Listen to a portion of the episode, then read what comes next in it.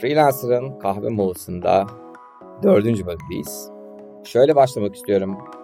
Şimdi eğer bize ulaşmak isterseniz, sorularınız olursa freelancer kahve at gmail.com'dan ulaşabilirsiniz ya da LinkedIn grubumuz var. Mehmet abi nasıl katılabilirler LinkedIn grubuna? LinkedIn grubunda freelancer'ın kahve molası diye arayınca uzun uzun çıkıyor olması lazım. Daha sonra olmadı program notlarına da belki linki ekleyebiliriz. Aynen. Show notlara da linki ekleriz. Bugün Mehmet abiyle nasıl iş alınabilir, nasıl iş alırız? İş alırken, işlere başvururken Upwork'te nelere bakmamız gerekir? Neler henüz daha yeni başlayanlar için daha iyi, neler daha ileri seviyedeki freelancerlar için daha iyi ufak tiplerimiz olacak bu konuda. İlk olarak başlangıçtan başlayalım. Yeni başladınız. Yeni başladıysanız iki opsiyon var. Ya daha sayeden bu işlerde orta kararsınız diyelim. Yani bence beginnersanız yani başlangıç seviyesindeyseniz şu anda Upwork'ta çok bir şansınız olmayabilir benim düşüncem. Çünkü çok kalabalık. Ve mesela örnek vereyim ses işleme olsun, bir grafik tasarım olsun başlangıç seviyesinde belki binlerce kişi vardır. Onların arasından sıyrılmak çok zor. Orta veya iyi seviyedesinizdir ama bu platforma yeni girmişsinizdir. Orada da şunu söyleyeyim. İyi bile olsanız çok çok iyisiniz. Yani belki işte bir Power FM'de, Number One FM'de böyle ses teknisyenliği yapmışsınızdır. Çok iyisinizdir ama bu platforma girdiniz daha hiç referansınız yok. Oradaki en iyi müşterileri alma şansınız yok ne yazık ki. Bu doğal bir şey. Çünkü o müşteriler kısaca İngilizce top dollar ödeyecek ve saati işte 30 dolar, 50 dolar, 100 dolar ödeyecek bir kişi profili ne kadar güzel olursa olsun tek bir Upwork referansı olmayan kişiye iş vermesi çok zor. Siz de olsanız böyle hareket edersiniz. Yani hiç size siz diyelim ki sayden saati 50 dolar demek ne oluyor Türk lirasıyla şu anda? 130 1300 600 lira. Saatine 600 700 lira para ödeyeceksiniz bir kişiye ve sıfır referansı var. İşte ben Amerika'da şu radyoyu yazdım diye o kişiye o işi vermek istemezsiniz. Çok doğal olarak. Bu sebeple orta karar veya da iyi bir ses teknisyeni dahi olsunuz ya da herhangi işiniz neyse burada biraz şeyi zararı zaman alarak bunu bir referans olarak düşünüp düşük fiyatta teklif vererek bazı işleri almanız gerekiyor. Yani birkaç tane 5 yıldızı biriktirmeniz lazım. Hani ben hep söylüyorum başlangıçta istersen expert ol. Eğer hiç yoksa iş aldın yani 10-15 dolar çok makul paralar bence. Türkiye standartlarında. Yani çok iyi o değil ama hani bence iyi bir başlangıç için iyi bir fiyat. Bunu şey gibi düşünmek lazım. Yani bu işe yatırım yapıyorum. Onun için harcayacağım bir maddiyat gibi düşünün. Yani zamanınızı veriyorsunuz bu işi yapmak için. Onu kabulleneceksiniz bu maliyete girmeyi. O sebeple de hani bir fiyatta karar kılacaksınız. İşte orta karar sizin ileride hedefiniz diyelim ki ben bunu 30 dolara çıkarmak istiyorum. O zaman 15 dolardan başlayacaksınız. 15 dolardan başlayacaksınız. 4 işi 15 dolardan yaptıktan sonra 20 dolara çıkaracaksınız. Çünkü bir anda 30 dolara çıkarırsanız gene hiç müşteri bulamazsınız. Ama benim söylediğim yani belli bir süre ben ilk başlarda işte 5-6 tane 10 tane yeni iş bittikten sonra fiyatı bir kademe arttırıyordum. Bir kademe arttırıyordum. Daha sonra artık belli bir düzeye geldiğimi gördükten sonra 6 ayda bir arttırmaya başladım fiyatlarımı. En sonda da artık şu seviyede yılda bir defa arttırıyorum. Aralık içinde arttırıyorum. Çünkü Aralık benim sektörüm için grafik tasarımın en düştüğü 15 Aralık'tan sonra Christmas tatiline gidiyor Batı dünyası ve işler çok düşüyor. Ben ondan önce bu fiyatımı girmiş oluyorum ki müşterilerim artık bu fiyatı görüyor ve Ocak ayında artık yeni fiyatla daha çok çalışmaya başlamış oluyorum. Mesela ben şey yaparak aldım ilk başlarda iş. Mesela bir feed var job feed'de. Hala hatta yaparım yani bunu iş aradığımda. Her yarım saatte bir yenileyip yeni iş düştüğünde ona göre teklifi verip eğer bana uygunsa tabii iş. Yani volüm sayesinde yani başvurma volümüm sayesinde en başta 20'de 1 alıyordum. Mesela sonra 10'da 1'e düştü bir dönem. Yani özellikle mesela bende 20-25 dolar aralığında çok fazla ses yani işlerinde çok fazla talep oluyor. İnsanlar o aralıkta arıyorlar yani. O dönemde mesela çok bağlıyordum. Ama tabii connect harcamak gerekiyor bir sürü. Biraz ufak bir yatırım yapmak gerekiyor yani en başta. Hı hı. Senin söylediğin gibi bir de hızlı olmak çok avantaj sağlıyor. Çünkü zaman geçtikçe kazanma şansın düşüyor. Çünkü özellikle iş kolaysa veya da çok popüler bir işse araya bir sürü kişinin teklifi geliyor. Artık işi veren kişi birbirine benzer buna da geleceğiz. Bir sürü teklifi okumaktan sıkılıp belki ikinci sayfada artık bırakıyor. Belki birinci sayfanın sonunda bırakıyor. O sebeple ne kadar erken olup da ilk başlarda senin teklifini okuma şansı olursa şansın o kadar yüksek. Tabii profesyoneller için bir sürü referansı olanlar için iş daha farklı ama hani başlangıçta genel durum bu ve zaman içinde de daha çok odaklanırsan, belli şeylere dikkat edersen e, daha çok iş kazanma şansın var. Ama şunu da unutmayalım. Bu tür platformlarda hep yüzlerce kişi var ve özellikle çok spesifik olmayan işlere de böyle 20 kişi, 50 kişi, 100 kişi başvurabiliyor. Ben şöyle söyleyeyim. Yeniyseniz bence Upwork şöyle şeyleri gösteriyor. Buna 20 ile 50 arası başvuru var. 5'ten az başvuru var. 5'ten fazla başvuru var. 50 plus diyor en son en üst. Yani 50'den fazla başvuru var. 50'den başvuru olan bir işe ne profesyonel ne amatör hiç kimsenin başvurmaması lazım. Bir işe başvurmak istiyorsunuz. Öncelikle bu müşteri bizim hedef kitlemize uygun mu? En azından bir title'a bakıyorsunuz. Diyorsunuz ki hmm, tamam bu benim yapabileceğim bir iş. Tıkladınız ve önünüzde açıldı. Ben genellikle sabahları mesela ilk oturduğumda son 8 saate bakıyorum. 8. saat aslında artık kaçırılmış bir müşteri ama işte çok enteresan bir iştir. Çok az kişi başvurmuştur. Ben 8 saate kadar geriye gidiyorum genelde. Evet ben de. Hep sağ klik yapıp tab açıyorum beğendiklerimi. Sonra onların üstünden tek tek sayfaları inceliyorum. Şimdi baktığımızda bunları biraz da hızlı yapmamız lazım ki diyelim ki açtım bir sürü tab benim yapabileceğimi düşündüğüm işler. İşlerin ne olduğuna bakıp hızlı karar verip başvurulacak mı yoksa kapatılacak mı? Hemen bir kapatma açma şeyine giriyorum. Birincisi iş başlığına bakıyorum. Tamam. Sonra herhangi bir bölgeyi spesifik vermiş mi? Yani Amerika'dan olan müşteri sadece Amerika ve Kanada mı demiş veya da işte görüyorsun veya dil kısıtlaması koyuyor. Çok nadir çıkar dil kısıtlaması ama bazen Rusça isteyen oluyor, İtalya. Zaten onu yazılan metinden anlıyorsun. İtalyanca yazmış oluyorlar genelde. Ama ülke kısıtlamasına bakmak lazım. Ülke kısıtlamasının olması başvuramayacağınız anlamına gelmiyor ama sizin müşterinin ekranına düştüğünde o bölgeye uymadığınız. Mesela gördüm adam Singapur'dan vermiş ve Singapurlu birini istiyor bu onun için çok kritik bir şey de olabilir, olmayabilir. Buradaki işin ne kadar iyi olduğuna bakmanız lazım. Eğer ne yani bilemedim diyorsanız pas geçin kapatın. Yani harcayacağınız konekte yani paraya değmeyecektir. Ama iş çok iyi.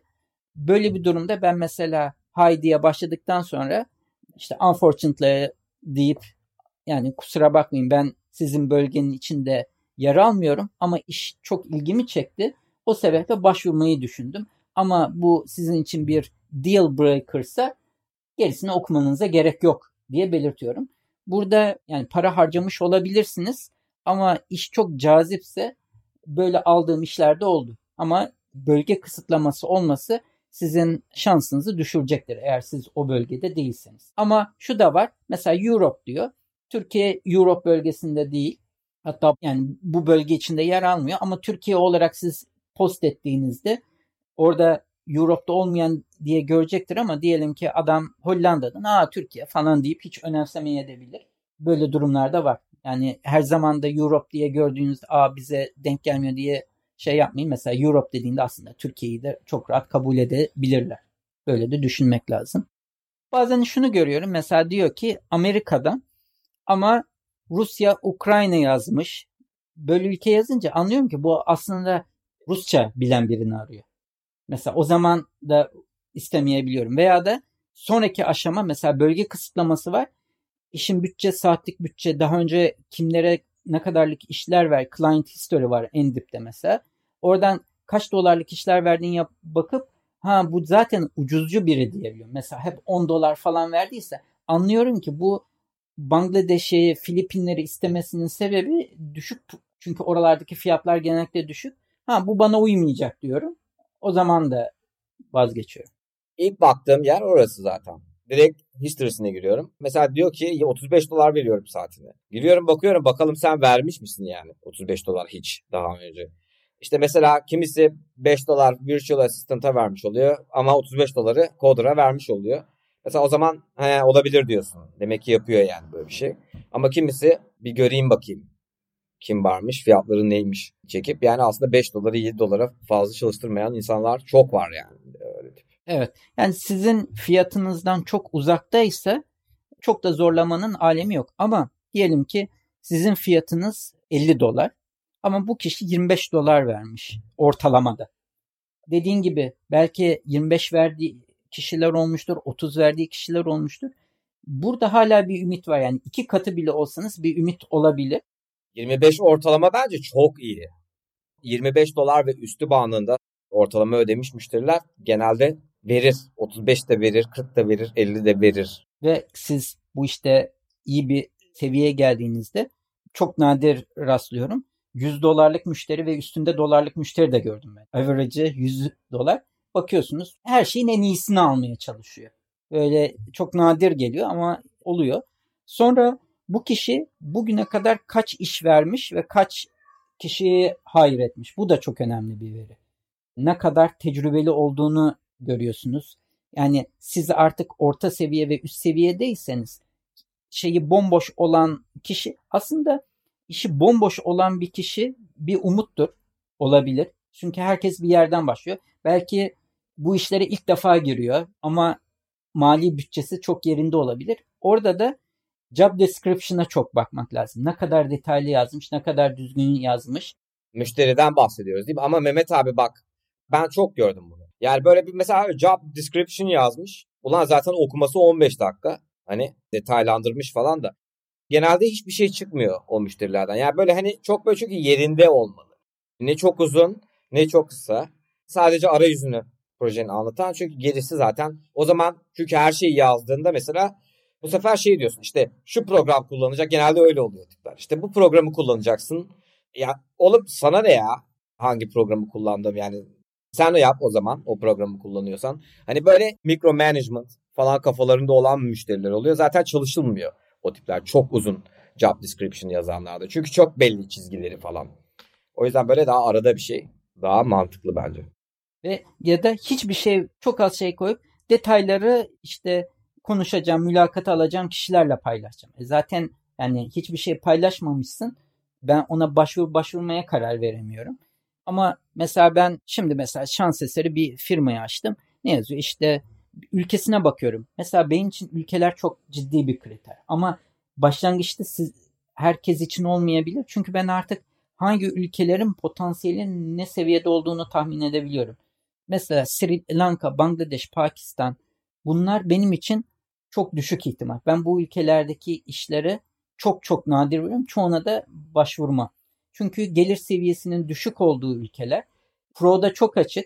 Yani işi yapıp sizi yarım yolda bırakma, size bir sürü revizyon gönderme falan tarzı ihtimalleri çok yüksek. O yüzden mesela Nijerya zaten şeyler ne yazık yani çok eminim çok düzgün insanlar da vardır, düzgün projeler de vardır. Ben artık o riske girmeyi kendime şey yapmıyorum, yedirmiyorum. Nijerya gördüğüm zaman hiç benimle alakası yok deyip devam ediyorum. Ülkeye bakıyorum o sebeple. Çünkü benim fiyatımı zaten ödeyebilecek ülke sayısı az. En başta zaten Türkiye'ye gördüğünde kaçacaksın abi. Türkiye'de ben genellikle teklif vermiyorum ama Türkiye'den birisi search ettiğinde çıktığım için direkt invite veya da şey geliyor ve çok nadir oluyor. Türkiye'nin dediğin gibi rizikosu çok yüksek. Bence de benim en azından sektör için Türkiye'den hiç iş aldığımı da hatırlamıyorum şey olarak. Yaptığımı da hatırlamıyorum. Ama ben mesela yabancı Türklerle çalıştım Amerika'dan. Tabii Türk. tabii. Evet o farklı. Öyle tipler çıkıyor. Yani. Onlar iyi oluyor yani genelde hatta. İyi müşteriler oluyor. dil avantajı oluyor özellikle o tür şeylerde. Sonra bu firma kaç tane job post etmiş, kaç tane yüzde kaç hire rate'i var. Bugün tartıştığımız konulardan biri de oydu. Yani 100 tane job post etmiş ve 10 tanesini yaptıysa yani %10'luk bir higher rate varsa çok düşük bir ihtimal. Yani bu kişi sürekli bir nasıl olsa bedava diye job post ediyor, iş şey yapıyor. Sonra da sonuçlanmıyor. Yani ama şeyin şöyle bir güzelliği var Upwork'ın. O iş sonuçlanmazsa kontürü iade ediyor. Yani birine şey yapmıyorsa. O yüzden onu eğer işi beğendiyseniz yani zamanım da var diyorsanız ve bu o günde çok iş çıkmadı diyorsanız yükleyebilirsiniz. Mehmet abi bir sorun var. Mesela şimdi başvurdun işe. Sonra birkaç hafta sonra şöyle bir mesaj geliyor. This job is closed and your submission has been archived. Ya burada ne oluyor? Eğer o kişi birisine hayır etmeden kapandıysa, yani hayır edip kapattıysa kontürlerin gitti harcadı. Ben peki archive diyor. Yani senin teklifin arşiv alın, arşivlendi. Yani Arşiv o zaman seni save evet. mi etmiş oluyor müşteri? Hayır hayır o herkese düşüyor. Yani arşive attı yani hiçbir şey yok. Yani teklif verdin sana bir şey çıkmadı. Ama o kişi hiçbir kimseye yapmadan işi kapattıysa veya işin süresi doldu ve Upwork kapattıysa sana kontürlerini iade ediyor. Hiç kimseyi şey işe almadıysa. Yani orada şeysin yani. O yüzden de kişinin hayır, hayır etmemesi önemli. evet önemli ama özellikle kritik de connectlerini harcamak istemiyorsan boşa. Evet. Ama dediğim gibi sonuçta 3 hafta sonra 2 hafta sonra o connectler sana geri dönebilir. Bana oluyor ben bakıyorum bir anda artmış oluyor o şeyden sonra. Sonra o kişinin ne kadar para harcadığı. Yani şöyle hourly rate'i düşük de olsa mesela 100 bin dolar harcamışsa 300 bin dolar harcadıysa bazen de görüyorsun 1M 2M görüyorsun böyle gözden açıyor. 1M demek 1 milyon dolar harcamış o güne kadar. Yani bu artık firma seviyesinde büyük ve para harcayabiliyor. Yani average olarak 15 dolar harcamıştır. Senin fiyatın 30 dolardır. 35 dolardır. Demek ki bu kişi aslında ikna edebilirsen gene de paranı ödeyebilecek şeyde, güçte bir firma demek. Onun sonra da Activity on this job diye bir bölüm var. Kaç tane teklif verilmiş o ana kadar? İşte bahsettiğimiz 5'ten az, 5 ile 10 arası, 10-20 arası, 20'den 20-50 arası, 50 plus yazıyor en son. 50 plus olduğunda zaten dediğiniz gibi unutun. 20-50 arası iş çok iyi ve ben bu işe çok uyuyorum dediğiniz entry beginner seviyesinin ilerisindeyseniz yani artık profilinizde 5 tane ve fazlasında en azından yorum 5 yıldızlar varsa başvurmayı düşünebilirsiniz. Ama yeniyseniz 20-50 arası da çok riskli. 26 olabilir. 0-5 arası yani eğer size de uyuyorsa hemen düşünmeden dalmanız gereken işler. Bir de eğer aylık aboneliğiniz varsa bid range'i görüyorsunuz. Yani o ana kadar insanlar ne teklif vermiş? Low, average, high. Yani en yüksek, en düşük ve ortalama teklif verenleri görüyorsunuz. O da yani şuna yarıyor. Siz en benim hiçbir zaman yani başlangıçta o 5 6 referansı verme dışında hiçbir zaman fiyat konusunda bir hedefim olmadı. O yüzden hiçbir zaman a en düşük bu vermiş onun altına vereyim gayem de olmadı. Ama çünkü o işin sonu yok. Yani fiyat kırmanın bir sonu yok. Öbür türlü işin içinden çıkılmaz bence. Hani zaten kıyasladığın zaman dediğin gibi vay işte 15 dolar vermişler. Ben şuradan 12,5 dolar vereyim alayım böyle bir şey yok yani. Hani ben hep söylüyorum bunu. Herkes için bence yeterince iş var. Birini alamazsan bir diğerini alırsın. Birini alamazsan bir diğerini alırsın. Mutlaka alırsın ama eninde sonunda ve yaparsın ve hep böyle. Evet yani fiyat konusunda rekabet etmek çok zor. Çünkü özellikle dünya global olarak düşününce mesela Bangladeş'te, Hindistan'da olan bir kişinin, Pakistan'da olan bir kişinin hatta Vietnam falan bu tür ülkelerdeki hayat, yaşam şeyi çok düşük olduğu için oradaki bir kişi için saat 5 dolar da çok iyi para. O yüzden sizin inebileceğinizden her zaman daha çok inebilen birisi olacaktır. O sebeple sizin rekabeti başka mecraya taşımanız lazım. Yani en şeyde değil, düşük değil, orta seviyede fiyatlarla işi almaya başlamanız lazım. İleri seviyelerde de hatta benim çok var. en yüksek fiyatı vermeme rağmen kazandığım çok iş var artık. Bu belli bir artık referans ve bütçeye ulaştığınızda o bid range'de ben kendi fiyatımı bildiğim için hep görüyorum. En yüksek gözüküyorum hep. Ve aldığım çok iş oldu en yüksek gözükmeme rağmen. Hı hı. Yani Çünkü bu, değer alıyor e, müşteriler. Evet evet. Özellikle üst segmente geçerseniz.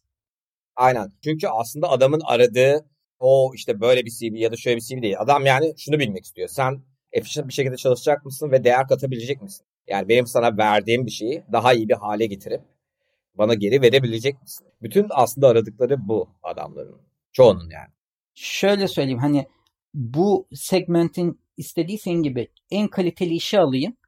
Benim minimum interaction'ım olsun. Yani en az müdahaleyle. Elinden yani tutmak zorunda kalmayayım yani. Ha, kalmayayım. Uğraşmayayım ya. Vereyim, kurtulayım. Bana vay canına dediğim şeyle geri dönsün. Bu. Evet, onaylayayım bitsin. Evet. Yani adamın Bunu şeyi istiyorlar. Bu. Evet.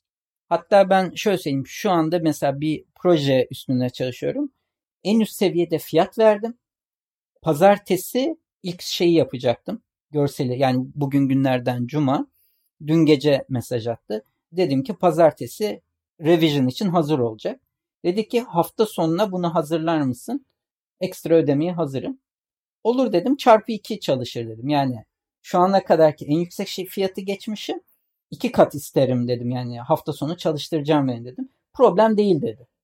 Bu bitti. Aynen bu kadar. Bu hafta sonu senin 2x olayı da efsane yani. Ben bu olaya çünkü bana bam güm yolluyorlar hafta sonu falan dinlemeden yani. Benim burada bir çizgi çekmem gerek sanırım hani. Her zaman bir şey bana gece sabahlama dediği zaman da 2x yapıyorum ben. Ben mesela tam tersine diyorum ki ya ben diyorum Pacific Time'da çalışıyorum. Sen diyorum takma kafana. ben direkt yani onların time zone'unda çalıştığımı söyleyip çözüyorum yani. Ama işte abi yine neye geliyor biliyor musun? İşte aslında bu kim olduğumuza geliyor. Anladın? Ben çünkü hep böyleyim. Normal ilişkilerimde de anladın? böyle mesafe koymayı beceremeyen. Pat küt böyle sosyal ilişkilerinde, aile ilişkilerinde, iş ilişkilerinde de öyle. Her şeyde. Mesela ben eminim anladın mı? Senin bütün hayatına yansıyordur bu. İşte hani bak işte gece anladın mı? Ben ya burada gece çalışacaksam o zaman işte 2x. Hani bu bir mesafe çünkü bir distance koyuyorsun. Yani benim gecemi zapt edemezsin. Diyorsun. Ben öyle yapamam. Ben gece uyumuyorum gündüz uyuyorum falan. Ben freelance hayata bu fazla çalışmayı önlemek için girdiğim için yani hafta sonlarım olmasın hani kendime kalsın dediğim için onun bir maliyeti var yani benim için. Yani ailemle zaman geçiremeyeceksem onun bir maliyetin olması gerektiğini düşünüyorum. Sonra client's recent history. Buradaki önemli bir kriter bu kişi bugüne kadar kaç yıldız almış. Özellikle son işlerde falan bakarım. Ve 4 yıldız benim için yani 5 yıldız değil. Yani 4.85'tir, 4.5'tur. Problem değil. Ama 4 yıldız ve altına düştüğü zaman hani kedilerin böyle tüyleri bir anda kabarır ya böyle hani şey bir problem var. O zaman bakarım yorumlarda neler yazmışlar. Kim niye 2 yıldız vermiş, 1 yıldız vermiş, 3 yıldız vermiş. Problem neymiş? Ve bir tane olursa gene teklif atabilirim. Ama birkaç müşteri düşük yıldız verdiyse, 3 yıldız verdiyse, 2 yıldız, 1 yıldız verdiyse ve bu birkaç tane freelancer tarafından bu müşteriye verildiyse benim için o işin bittiği şeydir. Çünkü ben bunu çok yaşadım. Birçok freelancer'ın düşük verdiği kişiden iş aldığım zaman benzer sorunları da ben de yaşadım ve o çok daha büyük bir stres. Yani sorunlu müşteriyle. Çünkü artık o işi kesip parasını iade etmek bu GSS skorunu düşüren bir şey paranın tamamını bile iade etsen. Giden zamanına mı yanacaksın? Müşteriyle gerilen durumu mu şey yapacaksın? Hiç girmemek daha iyi olabiliyor. Ama bir müş- bir tanesinde o zaman da freelancer'da problem olabilir. O projede problem olmuş olabilir. Yani tek şey her zaman hani kötü değil ama bakmak lazım. Sonra o kişi tarafından açık işlerine de bakabilirseniz Bazen benzer işler görebilirsiniz. Bir onlara bakabilirsiniz. Bu da bir şey ama kritik değil. Dediğim gibi. Buradan bir de eğer daha önce bu müşteriyle hiç iş yapmadıysanız kişinin ismini öğrenme şansınız var. Çünkü diğer freelancerlar o müşterinin ismini yazarlar yorumda. Hepsi yazmıyor ama bazen böyle bir eğer bir historisi varsa bakıyorsunuz. Aa işte Mike süper bir client falan diye yazdığı zaman ha bu Mike'mış. O zaman sizin için açılış metni medli olmuş oluyor. High mark diye başlıyorsunuz. O kişi bir anda diyor ki ya ben bununla çalışmış mıydım acaba? Özellikle çok kişiyle çalıştıysa sizin şeyi okuma ihtimalini bir anda arttırıyorsunuz. Orada o kişinin ismini öğrenip o şekilde cevap metninizi özelleştirebiliyorsunuz. Benim yaptığım iş Retouch, 3D ve tasarım işlerinde zaman içinde ben her işi belli bir profile oturulduğunu fark ettim. Eskiden Google Docs kullanıyordum. Şimdi Notion diye bir başka program kullanıyorum ama bedava olduğu için Google Docs yapabilirsiniz. Mesela bir iş otomotiv sektöründe bir araba retouch'ı diyelim. Ha, tamam bir defa çok özel bir şey hazırlıyorum o kişiye. Hangi daha önce işte firmalarla Renault'a iş yaptım, Ford'a iş yaptım. Bir fiyat deal'ları için, Türkiye'deki fiyat deal'ları için, distribütörü için iş yaptım. Amerika'da şu firma yaptım. Bunları anlatıyorsunuz. Yani güzel bir metin oluşuyorsunuz. Giriş, gelişme, sonuç. Spesifik. Çok çok da uzun O olmayan, çok spesifik. Evet, otomotive yönelik. Ama o kişiye post etmeden o metni alıyorum, kopya ediyorum, Google Docs'a yapıştırıyorum ve üstüne otomotive retouch diyorum mesela. Ve bu bende Google Docs'ta kalıyor ve bunun gereksiz o kişiye özel kısımlarını siliyorum ve elimde bir otomotive retouch template olmuş oluyor. Daha sonra ileride başka bir otomotive retouch geldiğinde hemen oradan kopya edip paste edip daha sonra o kişiye özel işte ismini veya da o projeye ilişkin detayları yerleştirip bir hemen post etmiş oluyorum. Çünkü burada önemli olan zamandan kazanmak. Yani bizim hedefimiz de aynı zamanda aynı şeyleri tekrar tekrar yazmamak ve zaman içinde de bu metni geliştirmek. Yani onu hep artık yıllarca da aynı metni kullanmak mantıklı değil. Mesela yeni otomotiv müşterisi almışsınızdır. Lotus arabası için retouch yapmışsınızdır.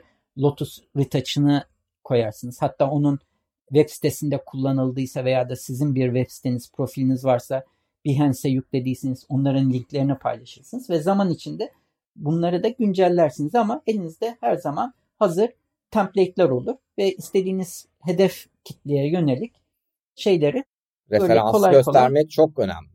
Tabii herkes senin gibi o kadar spesifik olamaz yani.